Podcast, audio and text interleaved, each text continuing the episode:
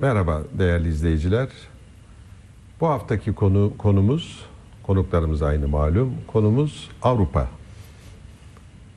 Avrupa'nın nesini konuşacağız. Ee, şimdiden ben tabii neyi tartışacağımızı, konuşacağımızı belirlemek niyetiyle söylemiyorum. Değerli arkadaşlarımız artık birbirimize alışığız bu konuda. Avrupa fikri, kavramı, Avrupa'yı anlamak, Avrupa'yı bilmek, Avrupalılaşmak, hatta Avrupa ile bir bakıma rekabet, hatta Avrupa'ya düşmanlık. Avrupa her ne kadar çağdaş, medeni uygarlığı temsil eder, onun kökeni merkezi midir? Avrupa merkezli düşünmek ne demektir? Yani yaşadığımız dünyayı çok farklı uygarlık siferleriyle, daireleriyle birbirlerinden bağımsız, birbirlerinden adeta çok etkileşmeden, kendiliğinden doğan uygarlık küreleri olarak mı düşünmek gerek? Yoksa günümüze doğru artık yaklaşıldığında yani modern çağlarda artık en uzak dünyanın en uzak bölgelerinde bile bir Avrupa etkisini görmek acaba mümkün mü?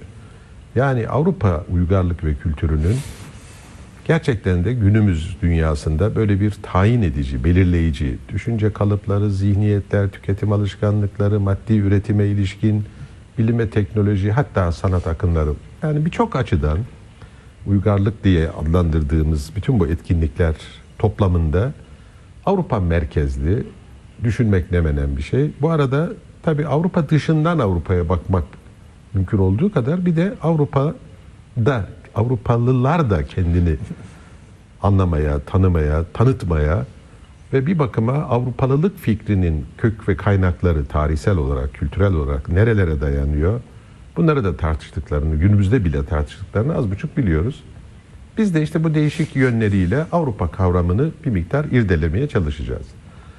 Hemen her programda olduğu gibi kavramların illa köküne, kaynağına, ilk kullanımına, nereden doğduğuna, neşet ettiğine ilişkin bir genel bir açıklama yapıyoruz. Onun da malum üstadı Mehmet Ali Kılıçbay. Dolayısıyla bugün de lütfedersen bu Avrupa, Avrupa nasıl bir nereden doğuyor, nasıl doğuyor bu kavramın?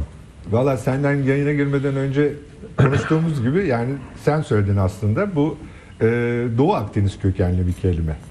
Yani eski Yunan efsanesinde de var, Avrupa var ama esas bizim bugünkü Avrupa kelimesinin kökeni e, bugünkü Filistin, e, Lübnan, İsrail o hmm. bölgelerden kaynaklanan eski Sami dillerinden biri. Bu Magreb kelimesini de veriyor ve tuhaf bir şekilde Yunanca'da da Avrupa haline dönüşüyor. Avrupa karanlık demek, e, batı demek, e, güneşin battığı yer demek. Yani öyle bir bölgeyi, bir e, hmm. kıtayı falan ifade eden bir kelime değil. Başlangıç İç karartıcı bir yer. Evet. Yani zaten çok bilinen bir yer değil. İnsanları az, meskun değil. Hmm. Yani o bölgenin meskun hale gelmesi Roma'nın oraya gelmesinden sonra oluyor. Yani yerleşik tarımın falan başlaması. Geri bölge doğuya nazaran yani bizim Doğu Akdeniz dediğimiz bölgeye nazaran orası daha geri bir bölge. Onun için hmm. pek ciddiyet kazanmamış. Ama Avrupa bizim bugünkü terimlerle dediğimiz Avrupa kendini ifade etmeye, oluşturmaya başladıktan sonra da bu terimi kullanıyor çok enteresan bir şekilde. Yani Charlemagne'ın dönemi aynı zamanda Avrupa'nın kendini inşa ettiği dönemdir. Yani 9. yüzyıl. 8, 800'de imparator olmuştur. Tam hmm. 800'de 9. yüzyılın başı. E artık Akdeniz'den iyice kopmuştur. Hı hı. Kuzeye çekilmiştir. Hmm. Feodalite e, dört nala hüküm sürmeye başlamıştır. İngiltere de dahil midir? İngiltere Avrupa? çok uzak bir ülke. Yani o da Avrupa'dan sayılır mı? Sayılmıyor. İngiltere şimdi bile Avrupa'dan pek sayılmıyor. Yani e, İngiltere kıta der şeye hmm. Avrupa'ya. Evet kıta diyor. Kıta der. Onun için yani o pek Avrupa'nın içinde değil. Aslında bu bağlamda şimdi Avrupa neresini tartışmak lazım. Neresi Avrupa? Ee, ayrı bir kıta olduğu bile coğrafyacılar arasında tartışmalı. Yani Asya'nın bir uzantısı. Avrasya diyoruz biliyorsunuz. Hmm. Avrasya, Örazi. Yani bir e, şeyin uzantısı Asya büyük devasa Asya kıtasının bir e, burnu gibi. Hmm. E, Urallar filan kesmiyor. Bunlar hep sonradan Doğru. konulmuş e, nominal şeyler. Gerçeklere denk düş, düşen şeyler değil. Yani bir kıta olduğu bile çok tartışmalı. Şimdi kıta olmanın ötesinde e, Avrupa'ya baktığınız zaman her bir yerde başka türlü yemek yeniyor. Her türlü bir yerde başka türlü kıyafetler var. Her türlü yerde bir başka müzik var. Peki nasıl oluyor da biz bunu bütün olarak Yani görüyoruz? Portekiz, İspanya, Portekiz'in Fransa. fadası, fadosu, İspanya'nın işte e, paso doblesi veya tabii. e, flamenkosu, Fransızların süzetleri, bilmem Almanların tabii, tabii. başka müzikleri benzemez, şeyler benzemez. O zaman Avrupa neresi? Ben size Dostoyevski'nin bir e, hikayesinin adını söyleyeyim. Avrupa'ya gitmek. Ruslar Avrupa'yı kendilerinin dışında görüyorlar. Enteresan. Evet. 19. yüzyılda e, Polonya'dan bir göç başlar. Fransa ve Belçika'nın madenci bölgelerine kömür madeni çıkartmak için. Onların için çocukları da Fransa'da ve Belçika'da önemli yerlere geldiler. Mesela Poniatowski bunlardan bir tanesi bakandı Fransa'da. Onlar da Avrupa'ya giderlerdi. Polonya'ya da geçtik bu tarafa. Bu tarafa geçtik. Ondan sonra Mitteleuropa denilen Almanca'da Orta Avrupa denilen yani Tuna Havzası onlar da kendilerine Orta Avrupa diyorlar ama Avrupa demiyorlar. İspanyollar İs- İspanya İç Savaşı sırasında yani 1936'da Avrupa'ya kaçıyorlardı. Franco'dan Avrupa'ya kaçıyorlardı. Tabii kendilerini İberik diyorlar. Evet, Ayrı bir sanki. İngilizler İngilizler Avrupa'ya giderler. Ha, onu anlamak mümkün. Amerikalılar elbette Avrupa'ya giderler. Biz de Avrupa'ya gideriz. Yani şimdi o zaman Avrupa'nın sınırlarının ne kadar dar olduğunu görüyoruz. Yani e, çok kabaca söylersek orta pazarın kurulduğu bölge. Macaristan dahil mi? Macaristan- Romanya? Hayır, Romanya kesinlikle bir kere. Macaristan Macar- onlar kendilerini Avrupa görmediler yani uzun zaman. ama Avusturya, Macaristan Avrupa. Birliği çıktıktan sonra kendilerini Avrupa Ama, görüyor. imparatorluk vardı ya Tabii ama yani böyle Avrupa dediğimiz zaman çekirdek Avrupa Neler var? yani Neler var? Fransa, İtalya, Benelux Ha. ve Almanya'nın batı kesimleri. Hmm. Yani Bismarck'ın Almanya'sı değil de Prusya falan değil de e, burası e, Avrupa. Peki ben esas lafımı tamamladım. Çok uzun konuştuğumun farkındayım. Yani sen de eleştirdiğim şeyi kendim de kendim yapmayayım. E, Abi ilk defa kendini eleştirdin. ha. ben çok kendimi eleştiririm de sen duymuyorsun. Ben çok eleştiririm. ya. Şimdi peki ama biz bir Avrupa algılıyoruz. Bu algıladığımız Avrupa'yı yapan ne yemeklerin benzerliği ne şey yani Evet. Avrupa'yı Avrupa yapan ne? kültürlerin benzerliği değil. Bence Avrupa'yı Avrupa yapan kurumlar. Mesela Mesela demokrasi. Mesela laiklik. Mesela e, parlamenter rejim şey olsa bile, krallık olsa bile vesaire daha bunlara bir sürü şeyler eklenebilir. ama bunlar yokken de Avrupa Avrupa değil miydi? değildi işte.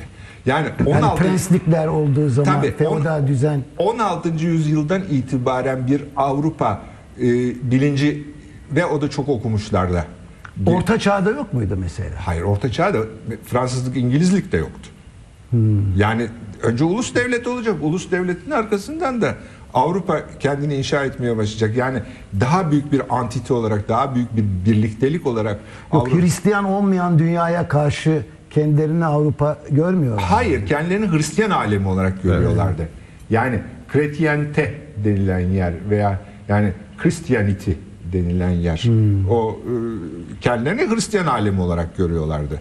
Yani bizim nasıl bizim bu tarafında kendini İslam alemi olarak Bu sanayi devriminden sonra belki. Orta Çağ'da başlıyor işte e, şeyle beraber e, bu sömürge savaşları döneminde çok oturmaya başlıyor. Çünkü bir şeyin taşıyıcısı oluyorlar. Neyin taşıyıcısı bunlar? Yani gittikleri yere karşı bir şeyin taşıyıcısı. Ve Fransızca'da bu çok e, ikircikli ve aşağılayıcı bir kelimeyle ifade edilir. Misyon sivilizatris denilir. He. Uygarlaştırma misyonu. Yani sömürgüleştirmeye e, Fransızlar bu- biz buraya uygarlaştırma. uygarlaştırmaya gidiyoruz. Ha, işte özgürlük getireceğiz Amerikalıların. uygarlaştırmaya gidiyoruz. Gittikleri yerler de yani öyle şey entipüften yerler değil. Mesela koskoca Aztek, İnka bilmem ne şeylerini veya Çin gittiler berbat ettiler. Hint, Çin. Peki yani ben işte tabii uzun uzun yani Avrupa kavramının tarihini de zaman zaman mutlaka konuşacağız ve orada da anlaşılan çok Biz nasıl var. görmüşüzden ben istersen biraz Ha, söz tabii tabii. Tabii. Yani biz e, ben mesela öğrenciyken bize Avrupa e, değil de medeniyet denirdi. Batı medeniyeti. Dolayısıyla bir Avrupa'nın bir kültür olabileceği aklımıza gelmiyor. O bir medeniyettir. Yani belli bir ırkın, belli bir ulusun, e, ulusların oluşturduğu bir yer değil de o bilimin, sanatın, teknolojinin yani biz Batı medeniyetine e, erişmemiz lazım. Bizim büyük bir hedefimizdir. Dolayısıyla bütün çalışmalarımız Batı medeniyeti e, seviyesine ulaşmak. Ama Batı medeniyeti Avrupa'dan farklı bir şey. Avrupa'yı kapsayan fakat Avrupa'dan daha Evet. büyük bir şey. Yani Kuzey Amerika'da dahil buna, Var. Avustralya dahil, Yeni Zelanda dahil, e, işte Güney Afrika dahil. Ama şöyle bir şey de vardı. Elbette öyle de. e, mesela ben şey de biz mesela İstanbul'da Çengelköy'de otururduk. E, şeye gideceğimiz zaman Beyoğlu'na özel şeyler bayramlık kıyafetimizle Çünkü Avrupa'ya gidiyoruz. E, Avrupa'ya gidiyor. Yani Avrupa'ya gitme diye bir şey var. E, Avrupa Avrupa'ya gitme bütün biraz önce konuştuk var. ya. hepsinde var. Medeniyetin medeniyet Ama diye bir de şey yani var. Böyle bir Değil mi? büyük bir kentin içinde yani Batı Avrupa'ya gitmek diyelim ki Kadıköylüler için de gerçekten. Ya ben Çengelköylü bir köylü işte Beyoğlu'na giderken böyle bilmem işte bayramlıklarımızı giyiyor. Çengelköy'e Yani haksızlık şey- etme. Çengelköy hiç de köy değildir. Çok hoş, muhteşem bir yer. Gü-. Güzel bir yerde işte öyle bir algı vardı yani. Dolayısıyla Ama biz, biz e, özel- Avrupa görmüş derlerdi abi. Yani bu adam Avrupa gör muhterem bir zat. Ama Ahmet sana bir şey söyleyeyim mi? Bizde bu duygu Osmanlı gerilemeye yani Ha. geri çekilmeye ve bu geri çekilmenin de aslında bir mağlubiyet olduğunu Peki, hissetmeye padişah- başladıktan sonra Abi oldu. padişah e, e, şeyle ya şehzadeler ne zaman Fransızca ile ilgilendiler de hepsi Fransızca öğrendiler, E, piyano çalmayı öğrendiler. ta- tanzimatı hazırlayan dönemde yani işte bu tanzimat e, arkasında ıslahat fermanı vesaire o dönemde. Mesela nasıl algılıyor o Avrupa'yı bir medeniyet değil mi? Bir Şimdi- ilerleme, terakki. Şimdi ben sana bir şey söyleyeyim. Bu sadece bizim başımıza gelen bir şey değil. Bu bütün dünyada batılılaşma Fransızca biçiminde. Amerikalılar da mı öyle Hayır düşünüyor? Amerikalılar değil. Amerika çok ayrı bir hikaye. Amerika'nın çok ayrı bir hikayesi var. Ama mesela Rusya. Rusya yani bütün saray Evet, mi? Fransızca konuşsun Bütün saray sarayda. Fransızca konuşuyor. Hatta Çin'de bile Çin'de bile e, Hindistan değil Hindistan İngiliz sömürgesi olduğu için ama İran, bütün Orta Doğu, bütün Kuzey Afrika yani bütün nerede mesela Mehmet Ali Paşa Mısır'da bu şeyi bizden önce harekete geçirdiği zaman hemen Fransız danışmanlar getirtiyor. Eğitim Fransızca askeri falan hale geliyor. Ne büyüsü ne yani? E, lingua Neden? franca, lingua franca yani bütün dünyanın üzerinde anlaştığı dil. Bugün İngilizce neyse 18. yüzyılda Ama da bu güç Fransızca oldu. nereden geliyor yani Frans Fransızcanın gücü? Bence bence e, şeyden geliyor. Bu düşünürlerin o sırada pıtrak gibi çıkmış Hmm. olmasından. Yani ta Descartes'ten başlatalım istersen. Arkasından e, Edebiyatçıları. edebiyatçılar, Racine'ler, Corneille'ler vesaireler ama 18. yüzyılda büyük bir patlama. Rousseau'lar, Voltaire'ler, E, Fransız devrimi abi. İşte Fransız devrimi. Ama bu Fransız devrimi de bu filozofların aslında eseridir bir bakıma. Ee, sadece bu değil. Aynı zamanda bir de cazibesi var. Paris'in cazibesi var. e, Fransız yemeklerinin cazibesi var. Bilmem neyin cazibesi var. İnsanlar buna bir de çok önemli bir nokta var. Cengiz onu çok iyi bilir. Paris kendi ülkesiyle probleme düşmüş olan herkesin ikinci vatanıdır. Bizim Jön Türkler de oraya gitmiştir. Şey de oraya Ama gitmiş. Cengiz'in de Paris'i var ya. İyi onu işte. anlatabiliriz. Hayır, hayır, o söylemek istediğini anlıyorum. Yani Jön Türkler de oraya gitmiştir. Rus devrimcileri de oraya gitmiştir. Tabii Le- Lenin biliyorsun. E bizim Osmanlılar. İşte Jön Türkleri Ha, Jön söylüyor. Söylüyor. Hem genç Osmanlılar, Ruslar, e, Ruslar, sadece Ruslar değil. Hümeyni de biliyorsunuz Paris'ten gelip Evet. İran'da devraldı şeyi. Çok enteresan. E, yani o bir de o tarafı var. Bir özgürlükler alemi olarak kabul edilir. Halbuki bence Anglo-Sakson ülkeleri daha özgürdür. Tabii. Öyle olmasına rağmen daha demokrattır. Daha bence. demokrattır. Daha layıktır bana sorarsan. He, yani Birçok açıdan. o konuda kuşkularım var. Bazı kuşkularım var ama öbür konusuna katılıyorum. Onun için böyle bir dünyanın bir şeyi olarak e, kendini çeken bir kutup olarak görüldü. Hmm. O şeyi var. Size ben bir iki aykırı soruyla biraz daha kışkırtabilir miyim? E, biz kışkırtılmış vaziyette miyiz? Yok siz daha yani tarihi gerçeklik bir manzarayı Biz de- evet, tanımlıyorsunuz. biraz daha açalım değil mi? Tamam. Ben biraz daha açalım diye şöyle düşünüyorum. Yani Avrupa'yı anladık yani Batı derken kastedilen sadece bir coğrafi yön değil Avrupa.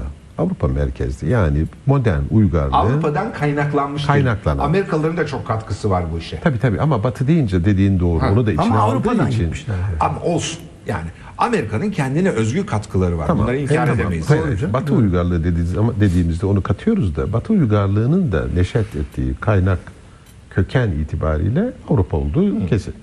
Şimdi bu Ama bu Avrupa'nın Avrupa neresi? Romanya değil. Ha işte ha bunu söyleyecektim. Burada kastedilen Bulgaristan yani değil. Bugün modern Yunanistan nasıl oluyor? Değil. Ama Yunan bizim atalarımız Öyle zannediyorlar. ha, ama. Avrupalı Evet. kendi Avrupa uygarlığının kaynağını sorduğunda Greko-Romen galiba ve uydurmuşlar. Hristiyan. Şimdi Hayır hayır sonradan da olsa yani öyle bir bağlantı. Cengiz buna artık bilim çevrelerinde inanan yok. Yani Ne Avrupa, alakası olabilir? Karadağlı o bu, vahşi adamlarla Yunanlılar. hayır, hayır. ya. Avrupa Avrupa kendini Orta Çağ'ın ve Rönesans'ın çocuğu olarak görüyor artık bilim çevrelerinde bu.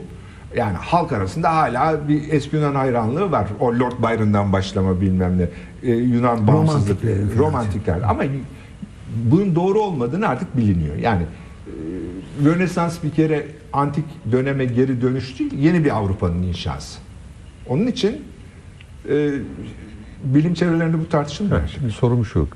Bir bakıma bence kısmi bir cevabı da verdin. Bence bugün modern çağdaş çağdaş demeyelim de modern uygarlığın kaynağı, kökeni, menşei gibi görülen Avrupa He. aslında Doğu'nun eseri.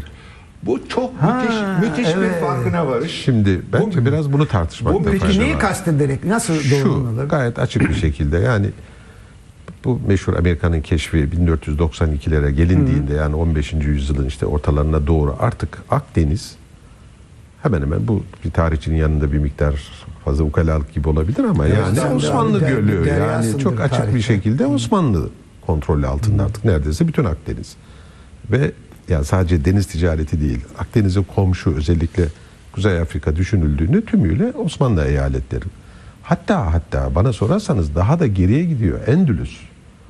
Endülüs Emevileriyle siz 9. yüzyıldan itibaren bugün İberik Yarımadası'ndan Toledo'dan neredeyse Poitiers kadar yani Fransa'nın neredeyse ortasına kadar Poitiers Fransa'nın ortasından da da yukarıdır. ilerisi. Yani o Şimdi bir düşünün. bayağı yukarıda. Bakın bayağı. düşünün. Şimdi bu ta 14. yüzyıla kadar 9 ve 14. yüzyıl arasında bir 500 yıl son derece gelişmiş. Gerçekten de düşünce anlamında uygarlık, üniversiteler şimdi Granada'yı, Endülüs'ü. Tabii tabii. Kurtuba'yı falan uzun uzun anlatmaya gerek yok. Yani uzun bir zaman en batısından Avrupa ama kaynağı doğudan ve Doğu Akdeniz ve İslam dünyasından gelen genel geleneğin bu Emevi meselesinin daha sonraki devamında da Osmanlı sanki onun devamını sürdürürken Hep bugün şeye mi, İslam'a mı bağlıyorsun abi? Hayır, sadece? sadece İslam'a bağlamıyorum da Yani Doğu'nun kadim şu. uygarlığı. Doğu'nun kadim uygarlığı Kuşatan, kadim, yani Doğu'nun ki burada bir İslami şey yani 9. yüzyılda Ama İslam doğu mudur abi ya? bir saniye ama yani İslam devleti yani biz Emevi Emevi dediğimiz zaman neyi kastediyoruz? Yani İslam Abba- devleti tabii ki. İslam Tabii devleti ki. yani İslam devleti, tabii Emeviler zamanında kurulmuş değil mi ve giderek de yayılarak ve o kültürü de İslami kültürü de taşıyarak ama Aristo'yu da inceleyerek falan şimdi işin yani eski Grek ve Latin kültürlere bile açık olan bir Endülüs uygarlığından bahsediyoruz. Yani bir tarafta Buhara'da, Semerkant'ta bir başka uygarlık menşei de- devam ederken Abbasilerle birlikte müthiş bir Doğu Akdeniz'de bir uygarlık. Bunun adeta batıda ve Avrupa'nın en batısında ve üstelik Avrupa'nın içine, bugünkü Avrupa'nın içine girecek kadar da ve uzun ömürlü. Yalnız o girmek o kadar 300-400 önemli değil. yıl. Ufak bir akındır o. Neyse Evet, ama yani demeye yani. çalıştığım şimdi sonradan tekrar Avrupa'yı o mu Avrupa yaptı Şimdi, hayır şunu demeye çalışıyorum. Yapanlardan biri diyor. Yani bu kuşatma gitgide gitgide hem ekonomik hem kültürel anlamda kuşatma bugünkü Avrupa, Orta Avrupa'yı kastediyoruz ağırlıklı olarak ve hakikaten de Şarlman'ın iddia ettiği kutsal Roma İmparatorluğunu canlandırma iddiası tam anlamıyla bugünkü Avrupa Birliği'nin neredeyse merkezi gibi. Yani bugünkü hakikaten Fransa ve Kuzey İtalya ile değil mi? İs- İsviçre ve Avusturya'yı içine alan Fransa'nın e, önemli bir Benelux, bölümünü de Benelux, Hollanda, Belçika Evet, daha doğrusu asıl merkezi sanki Çekirdek orası. burası. Çekirdek Zaten orası. bu Charlemagne'in şeyi e, Ahın işte Ahın, Ahın. bugün tam Almanya. Belçika, Fransa'nın Aix-la-Chapelle. Aix-la-Chapelle. Tam sınırıdır yani. Evet, tam, tam- üç tam- ülkenin tam sınırı. Şimdi- Ahın'da ilk 9. yüzyıl. Evet. Düşün. bu bu analize tamamen katılıyorum. Ha, Avrupa'yı o merkezle anladığımız zaman, merkezi oraya koyduğumuz zaman yani coğrafi Avrupa olarak buradan itibaren oluşuyor. Çekirdek burası. Ha neden 9 10. yüzyıldan itibaren bu kuşatma bir anlamda hem uygarlık hem ekonomik hem askeri anlamda. Ama doğudan da kuşatma var. Doğudan da biliyorsun e, şey geliyor, Atilla geliyor. Ha doğru. Bir de onları Romalılar da o, zamanında Atilla geliyor ve ondan sonra da Cengiz. Han geliyor. Doğru. Cengiz geliyor. Cengiz Han'ın çocukları Moğollar da. geliyor. Moğollar Yani gerçi başka şeyleri de dinamikleri de değiştiriyor Olsun, ama, ama haklısın. yani- haklısın. Ha. Yani oradan kuzeyden kaçanların de da Vikingler geliyor. Ha bir de tabii Bir de kuzeyden Vikingler yani geliyor. şimdi bu söylediğimiz şimdiki Orta Avrupa'nın etrafının kuşatılmışlığını düşün ve yani ümüğüne çökmüş çok değişik faktörlerle birlikte bir bir yaratılış kendini yeniden yaratış. Ha, bunun eski Bu 15 Yunan'la o- eski Yunan'la bir alakası yok bunun. Ha, yok yok. Hiç eski Yunan'la alakası Ama yok. işte o yeniden yaratışta hocam ne olursa olsun Latin niye Allah aşkına Descartes dahil Spinoza'dan tut aklıma gelen birçok Avrupa'nın 16. 17. yüzyılda hala Latince hadi Byron'ınki şey haklısın romantik bir Yunanca ama yani eninde sonunda ben o kültürel Yunan- devamlılığın payı olduğu kanaatindeyim. Ama şimdi bak klasik Latince ile yani Latinlerin konuştuğu Latince ile Ortaçağ Latincesi birbirlerine Hadi şu- uzaktan tamam, benzer. tamam. Uzaktan benzer. Tamam. Tamamen başka bir dildir. Ama kurucu dil gibi Bak, ve üstüne inşa Yok edilmiştir. ama biz Yunan'dan bahsediyoruz. Yani Yunan, Yunan şimdi dikkat edin dünyada çeşitli uygarlık adlarına rastlıyoruz değil mi? Çin uygarlığı, e, işte Aztek uygarlığı. Bunların hepsi ya etnik bağlantılıdır. Yani bir etnisiteye yollar yahut da bir coğrafi yere yollar. Çin dediğimiz zaman bir ülkeye yollar. Peki Doğu ve Batı uygarlığı olarak ifade edilen başka bir uygarlık var mı yeryüzünde? Demek ki bir şeyin aynı şeyin doğusu ve batısı.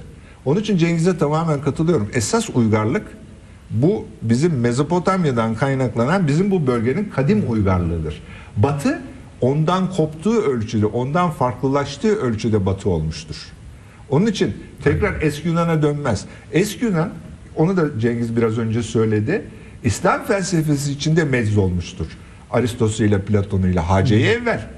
Hacı Evvel biçiminde yani İslam felsefesinin birinci hocasıdır. Aristo. Birinci hoca olarak kabul edilen bir adam. Nasıl bizde Rönesans olmuyordu onlarda oluyor? Demek ki bir, en azından aritmetik bir e, gerçeklik olarak bir farklılaşmaları Tabii, lazım. tabii. Bu fa- Hristiyanlık. Hristiyanlık bir doğu dinidir ya. yani hepsinin çıkışı Yahudilik e, ya- peki Hristiyanlık Batı'nın elinde tamamen farklı bir din haline gelmiştir. Aynen öyle. Yani bizim buradaki Türk e, doğudaki Hristiyanların Hristiyanlık anlayışına bir bakın. Bir de batıdaki Hristiyanlık anlayışına Peki o bakın. çatışmalar da hiç Ve sonra üç tane de Ortodoks- din haline dönüşmüştür yani. Doğru. Bugün protestanlık, katoliklik ve ortodoksluk farklı dinler sayılıyor. Aynı din sayılmıyor. Yani bunlar mezhep değil, bunlar din. Onun için Batı kendini çok güzel söyledin sen. Şeyden itibaren, Orta Çağ'dan itibaren kendini tamamen farklı bir yapı içinde. Mimarisiyle. Gotik ve Roman mimari. Yani önce Roman sonra gotik mimari. Bunu Roma'da veya eski Demek ki kendini inşa edebilmiş. Yani E, bir tür var, yaratmış. evet kendi yani varoluşunu ve meşruiyetini ararken bu sıkıştırılmanın sonunda Avrupa'nın yaratıcı bir uygarlığı doğurması anlamında ben yani biz aslında Doğu uygarlıkları, Doğu Akdeniz daha doğrusu Doğu derken artık Avrupa'yı Kadim- oluşturan kadim diyoruz ona. Ya da kadim, Kadim peki, uygarlık. Peki, Doğu Ak- Akdeniz uygarlıkları ve Mezopotamya dahil.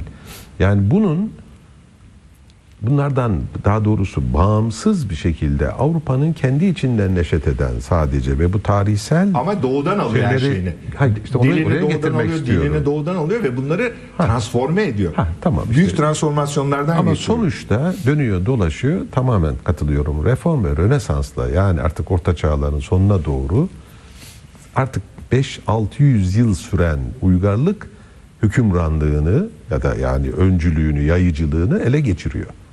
Ha, bu ele geçirişin içerisinde ben bu kuşatmanın rolüne O değineceğim bir ikinci bir şey daha Dur, var. ben burada bir şey, ekleyeyim. Ha, peki, Müsaade edersen çok açalım. önemli. Bu şey e, damarı kaçırmamak lazım bence.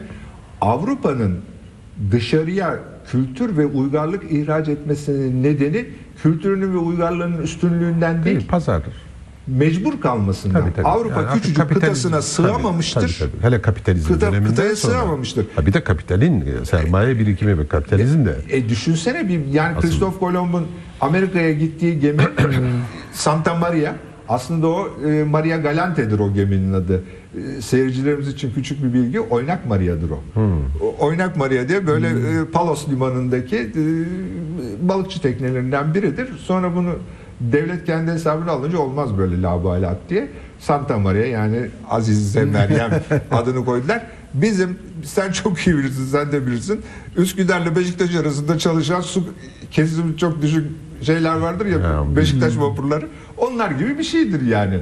Bu, bu teknelerle gittiler. Niye gittiler adamlar ya? Bu Ha, me- işte mecbur Yok, Avrupa, yok, Avrupa yetmiyor kendine. Hayır artık yani. Asya kendine yetmesinin şeyini ceremesini ödüyor şimdi. İklim şey uygun madenler yok. İklim şey çok yok. uygun aslında. İklimi güzeldir Avrupa'nın ama adamlar yetir, yetiştiremediler. Yetmedi. karanlık bir. Bu hayır hayır şey, Akdeniz'den umudu kesince Atlantik ve Atlantik ötesinde Evet. zorunluluk var burada. Yani buna Hollandalıların, Portekizlerin, İspanyolların Hepsi. Çünkü Akdeniz'in içindeki artık Venedik, Cenova, Pisa, Roma gibi Onlar onlar tekele artık almışlar bize- zaten Akdeniz'e. Yıllarca ya çok Evet. uzun yıllar ama 16. yüzyıla gelindiğinde artık onların da pek esamesi okunmuyor. Evet. Ve dolayısıyla Avrupa'nın içini besleyen, doğuyla bağlantıyı kuran Akdeniz'in bu yolu. Portekizliler Afrika ümit burnunu dolaşmak için 100 yıldan fazla uğraştılar. Tabii tabii. Ve Ta 1400 binlerce gemi, on Batmış, binlerce de batmış. adam telef ettiler. Vasco da Gama Hindistan'a yani öyle bu sadece keşif yani. arzusu ya da uygarlığı bilmem ne adına değil. Hayatta Yani maddi abi. hayat ha onu söylemeye Baharat ticaretini ele geçirecek. Baharat ticaretini ele geçirmek için hayati Portekiz şu kadarcık bir yer ya. Ne yapsın? İşte onu Ama tabii hocam. Osmanlı'nın da şeyi engellemesi değil mi doğuda? Osmanlı Batı'yı pek engelleyemiyor. Yani Preveze ve İnebahtı arasında denge kuruldu. Preveze ile İ- İ- İnebahtı Savaşı arasında Preveze'yi biz kazandık. İnebahtı onlar kazandılar biliyorsun. Arasında 33 sene vardır. Denge kuruldu. Yani Osmanlı'nın sınırı bugünkü e, Yunanistan'ın deniz sınırıdır. Ama oradan mesela Hindistan'a gitmiyor. Öbür taraftan Hindistan'a Hayır gidecek. zaten Osmanlı'nın Batı Akdeniz üzerinde bir egemenliği olmamıştır. Bir kere işte François e, çağırdı diye şeye gittiler. Korsika'da kışladılar bir kere. O kadar onun dışında batıya sadece şey. Mesela e, bu Osmanlı denizcilerinin Batı Akdeniz konusundaki e, bilgisizliklerinin en tipik örneği Cebeli Tarık'ı geçemiyorlar. Cebeli Tarık bayağı denizcilik teknikleri gerektiren bir boğaz. Danzer Paşa diye bir Danimarkalı korsan öğretiyor bunlara. Ve 18. yüzyılda Danzer Dan- şey Danimarkalı demek Bir dakika Cebel Tarık'tan Atlantik'e geçen Osmanlı şey sonradan mı? geçiyor. Mı? Paşa öğrettikten sonra Hayır, geçiyor. nereye geçiyorlar? Ben İngiltere'ye gidip akın yapıyorlar. E, Piri Reis Öyle mi? falan var? Hayır, Piri Reis Kızıldeniz'de. Seyyid Ali Reis, Piri Seyyid Reis Ali Reis, falan. Orada da rezil oluyorlar Portekizler. Ama yani. o da şey, Yani. e, Süveyş olma, kanalı olmadığı için donanmayı geçiremiyorlar. Yeni donanma yapıyorlar. Oradaki uyduruk ağaçlarla yapılan donanma da Hint Okyanusu'nun şeylerine dayanamıyor, batıyor. Ondan sonra kalmıyor. Cebeli Tarık'a geçen yok mu Osmanlı? çok az. Ben Sonradan işte. Paşa öğrettikten Ya sonra. onlar herhalde 18. yüzyılda 18. doğru. 18. yüzyılda evet. Yani sonuçta lafı şuraya getirmek istiyorum. Yani Avrupalıların da bir anlamda bir minnet ve şükran ama yani namuslu bir Avrupalı aydının kendisini doğuyla hala bir nasıl söyleyeyim göbek bağı içerisinde algılaması nitekim yani Edward Said gibi ya da birçok birçok batılı entelektüel bu tarihsel, kültürel sürekliliği görerek de ve Museviler hakkını bu işin çok de. iyi farkındalar. Ha, taşıyıcı da Museviler onlar çok iyi işte. farkındalar. Bütün Yahudi düşünürler aynen öyle. Evet ama şeyler öyle değil. Yani Katolik ve Protestanlar, Ortodokslar bizden zaten. Ortodoksları ben O doğru, bizim bi- coğrafyanın. Bizim bizim Hristiyan şeyimiz, ikizimiz onlar. Ortodoksları ben çok ayırmıyorum bizden ama şeyler e, Katolik. Katolik ve Protestanlar kesinlikle yani Doğu kökenlerini e, Aynen öyle. hayır. Onu inkar ediyorlar ama yani namusluca bakılınca şimdi buradan biz biz derken yani o işte ta yani Büyük Selçuklu, Anadolu Selçuklu, Osmanlı falan gibi atalarımıza, kültürel uygarlık atalarımıza bakarak şişinelim anlamında söylemiyorum. Yani tarihin hangi zorunluluklarla to- toplumsal Yani değişimin Avrupa'yı biz mi Avrupa yaptık demek istiyorsun? Hayır. Hayır, payımız var Avrupa'yı diyorum. kendi güç Avrupa'yı olarak. yaptı da. Canım ondan sonrası ama öyle bir ivmeden sonra özellikle bu keşifler Hmm. hocam. Keşifler arkasından icatlar. ve arkasından bu Rönesans, kültürel de- değişim, dönüşüm artık kendi iç dinamikleriyle. Onu galiba takdir Sonra- ediyorlar abi. Et, etmiyorlar. Kim Yani etmiyor? Avrupalılar. Neyi Yani takdir şeyi takdir bu- ediyor. Doğu etkisi. Ee, evet Doğu E, etkisi. tabii namuslusu ediyor zaten bunu inkar Ama- edemez ama de ama Bu inkar edilebilecek bir şey değil. İslam'la eşdeğer ve özdeş gördüğü zaman doğuyu ve İslam'a fobiden ötürü bir biçimde bu tarihi realiteyi inkar eden pek çok filozof da vardır, düşünür de vardır. Doğru. Bunların en babası da bak protestan diyor. Daha bize bir sanki anlayışla karşı Luther'dir. Luther'in ki Türk düşmanlığı, Lu- İslam Lu- düşmanlığı Luther evet. akıl almaz bir şeydir. Tabii, tabii. Tabii 1530'larda Türkler adına söylediği yani Tanrı'nın kamçısı hani kötü Hristiyanları hizaya getirecek akıl almaz yani o şimdi bir de böyle de düşünmek lazım. Eğer çok Batı'yı Hristiyanca düşündüğü zaman da Batılılar bunun üzerinde fazla da durmuyorlar. Şimdi çok basit bir şekilde tartışılabilir. Yani bugün Avrupa'nın başını çeken Nicolas Sarkozy ile e, Angelica Merkel ikisinin de adı Doğu kökenli. ha, İkisi, ikisinin adı da e, bizim buralardan ya. Nikolaus biri, ve biri şey Macar, e, biri Doğu, Doğu, Angel. Doğu Almanya. Yani ikisinin de bu adını mesela Ha, şey küçük adları. Jean dediğiniz sizin bizim e, işte şey e, Jean. Saint Jean ondan sonra veya ne bileyim ben John işte. Jacques dediğiniz bilmem ne Aman, hepsi bunların aman, şey. bütün apostollar canım bütün o. Hayır ama Yani- bunların yani gündelik dildeki Ha, karşı, anladım. adları e, hep en azından, Poller, en azından George- Yani buradan nasıl bir Kristina. sonuç çıkaracağız? Yani Avrupa ile olan ilişkilerimiz, Avrupa'ya bakışımız Ama ne yönde yani nasıl bir yorum getiriyorsunuz? Şurayı herhalde tamam da şurayı herhalde atladık. Biz Avrupa'nın kendini ne büyük bir hızla bambaşka bir şekilde inşa ettiğini ko- söyleyemedik. Yani onu söylememiz lazım. Rönesans öyle büyük bir kopuş oldu ki Hmm. öyle kopuştan itibaren bütün doğu kökeninden Ha. olduğu gibi koptu. Doğu kökeninden koptu. Yani bizim ortak doğu dediğimiz kadim uygarlık dediğimiz o uygarlıktan batı olarak ayrıldı ve tamamen ayrı bir kimlik edindi. O zaman Hristiyanlığı batılılaştırdı. Hristiyanlığı batılılaştırdı. Reform hareketi odur sonuç olarak. Hristiyanlığın batılılaşmasıdır. Yerel dillerini edebiyat dili haline getirdi. Vernaküler Evet, diller şey, dediğimiz tabii. Yani Latince'nin sultasından Kurtuldu. kurtuldu. Ondan sonra ulus devletleri inşa etti. Ulus devletleri işte felsefe de kendi dilleriyle yapılmaya Tabii başladı. ben onun için hep e, didinirim ya Descartes'ten başladı felsefe diye. Tam da bu tarihlere denk düşüyor. Ama 17. Descartes'in Latin e, şeyleri de var. Latin zaten 18. Latince. yüzyıla kadar Latince yazıyorlar. Yani e, bu şey döneminde işte Russolarla, Mussolarla bilmem Voltaire'lerle başlıyor esas. e, Kendi ana dillerine öz dilden yazma. Sonra şey. da Almanlar tabii klasik İşte Alman böyle. Evet tabii tabii.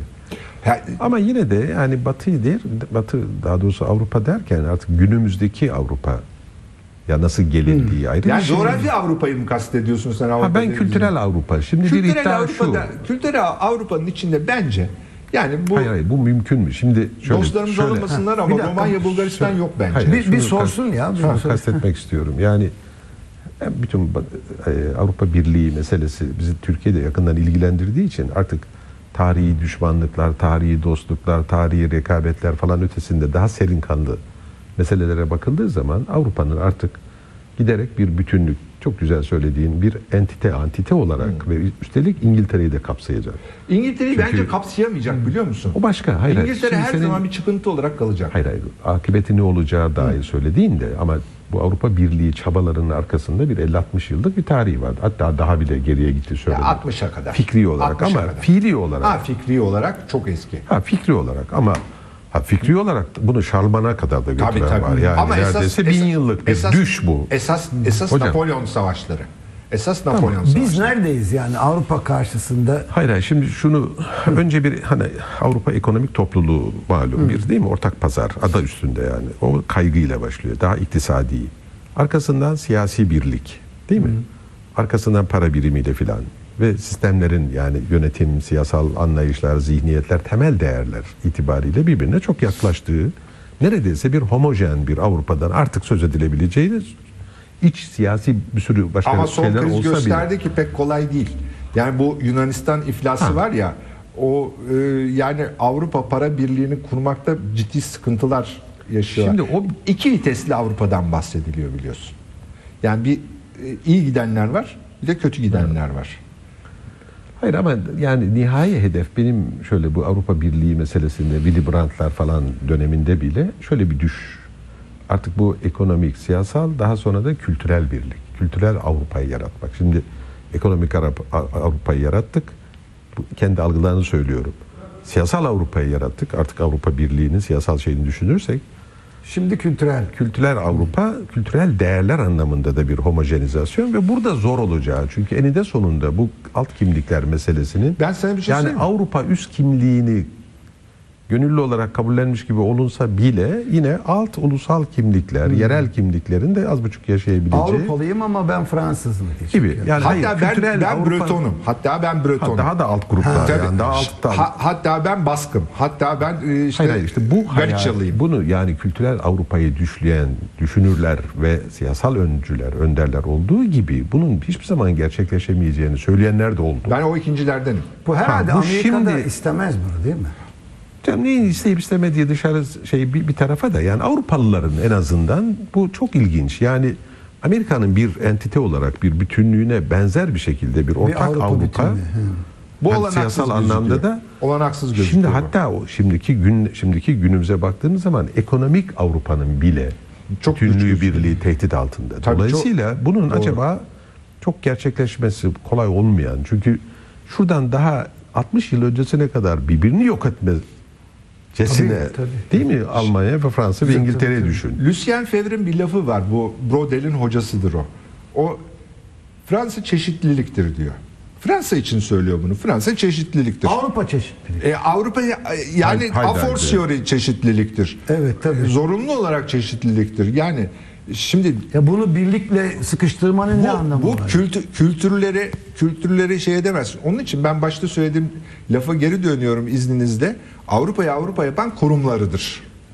Yoksa yani kültürel birlik, yemekler hiçbir zaman birlik olmayacak. İnsan İtalya'nın e, hadi bakayım e, şey e, kuzeyin o tatsız tuzsuz balıklarını yedir bakayım. Yemez. Akdeniz'in o güzel balıklarına alışmış İtalyana nereden yedireceksin onu? Yemez. E, Ondan sonra ne bileyim. Yemesi de gerekmez. O Hayır, beğeniler yani ve işte ben- mutfak. Ama yani Cengiz'in Hocam, söylediği ben- kültürel birlik. Ama yani. kültürel değil, Buradaki- uygarlık birliği. Ha, ama bak buradaki tabii kurumlara doğru geliyor. Hı, Çok kurumlar. haklısın. Ortak zihniyetler. Evet. Ha, Çünkü zihniyet ortak zihniyet. Yani gustosu farklı olabilir. Gündelik hayat stilinde. Ama Gayet tabii Akdeniz'de, Danimarka Allah aşkına. İşte ha. Ama İtalya'da veya Sicilya'da diyelim ki parlamenter ve demokratik, özgür, liberter bir sistemi varlığı Danimarka'da da olmalı. Sicilya'da da Aynen olmalı. öyle. Kastedilen daha çok bu Aynen. yoksa gustosu, yaşama tarzı, iklime göre, tarihe göre. Gayet tabii onun, onu bir sakınca görmüyor zaten. Ben kültürel birlik derken İşte kurum, temel kurumlar yani Avrupa değerleri denilen şeyler bunlar. ve Av- onun evrenselliği iddiası var şimdi ha. Ha, Bir de o var. ayrı bir şey. Bir de Bir de bu var. evrensel insan hakları beyannamesini filan da düşünürsek bütün bunun artık bütün dünyaya Avrupa merkezli bakma. Burada asıl bir problem var işte. Sıkıntı bu problem mi acaba? Yani e, E, Avrupalılaştıracak. hayır. yani şimdi bir zamanlar insanları. uğraştılar Avrupalılaştırmaya. Ama şimdi de Avrupalılaştırmamaya uğraşıyorlar. e, işte ama bir, bir dönem cazibe merkezi ve yani bu merkez çekirdek daha doğrusu Avrupa Birliği'nin çekirdek ülkelerinden perifere doğru yayıldıkça değil mi? O birliğe katılmak Sömürgelerle Avrupa Avrupa oldu ya. Yok. sömür- Yani bir sürü insan Ha, bir ikincisi Avrupa'nın erdemi ve değerinden bahsederken bir yandan da bildiğimiz gerçek anlamda yani ulus devletle birlikte ulus devletin askeri gücüyle sermaye ihracı ve pazar yani kolonizasyonunda müsebbibi ve hocam biraz da o tarafına değinelim. E tabii o da- Yani Fransızlar Yani- işte Avrupa'nın bir, bir bölgeleri. yani ama şimdi düşünebiliyor musun? İngilizler- Ben dehşete kapılmıştım. Şimdi bunu başka yıllar- bir programda konuşmak lazım. Çünkü bu Avrupa'nın karanlık tarihi aslında aydınlık tarihin kadar büyüktür, geniştir ve dehşet vericidir. Şimdi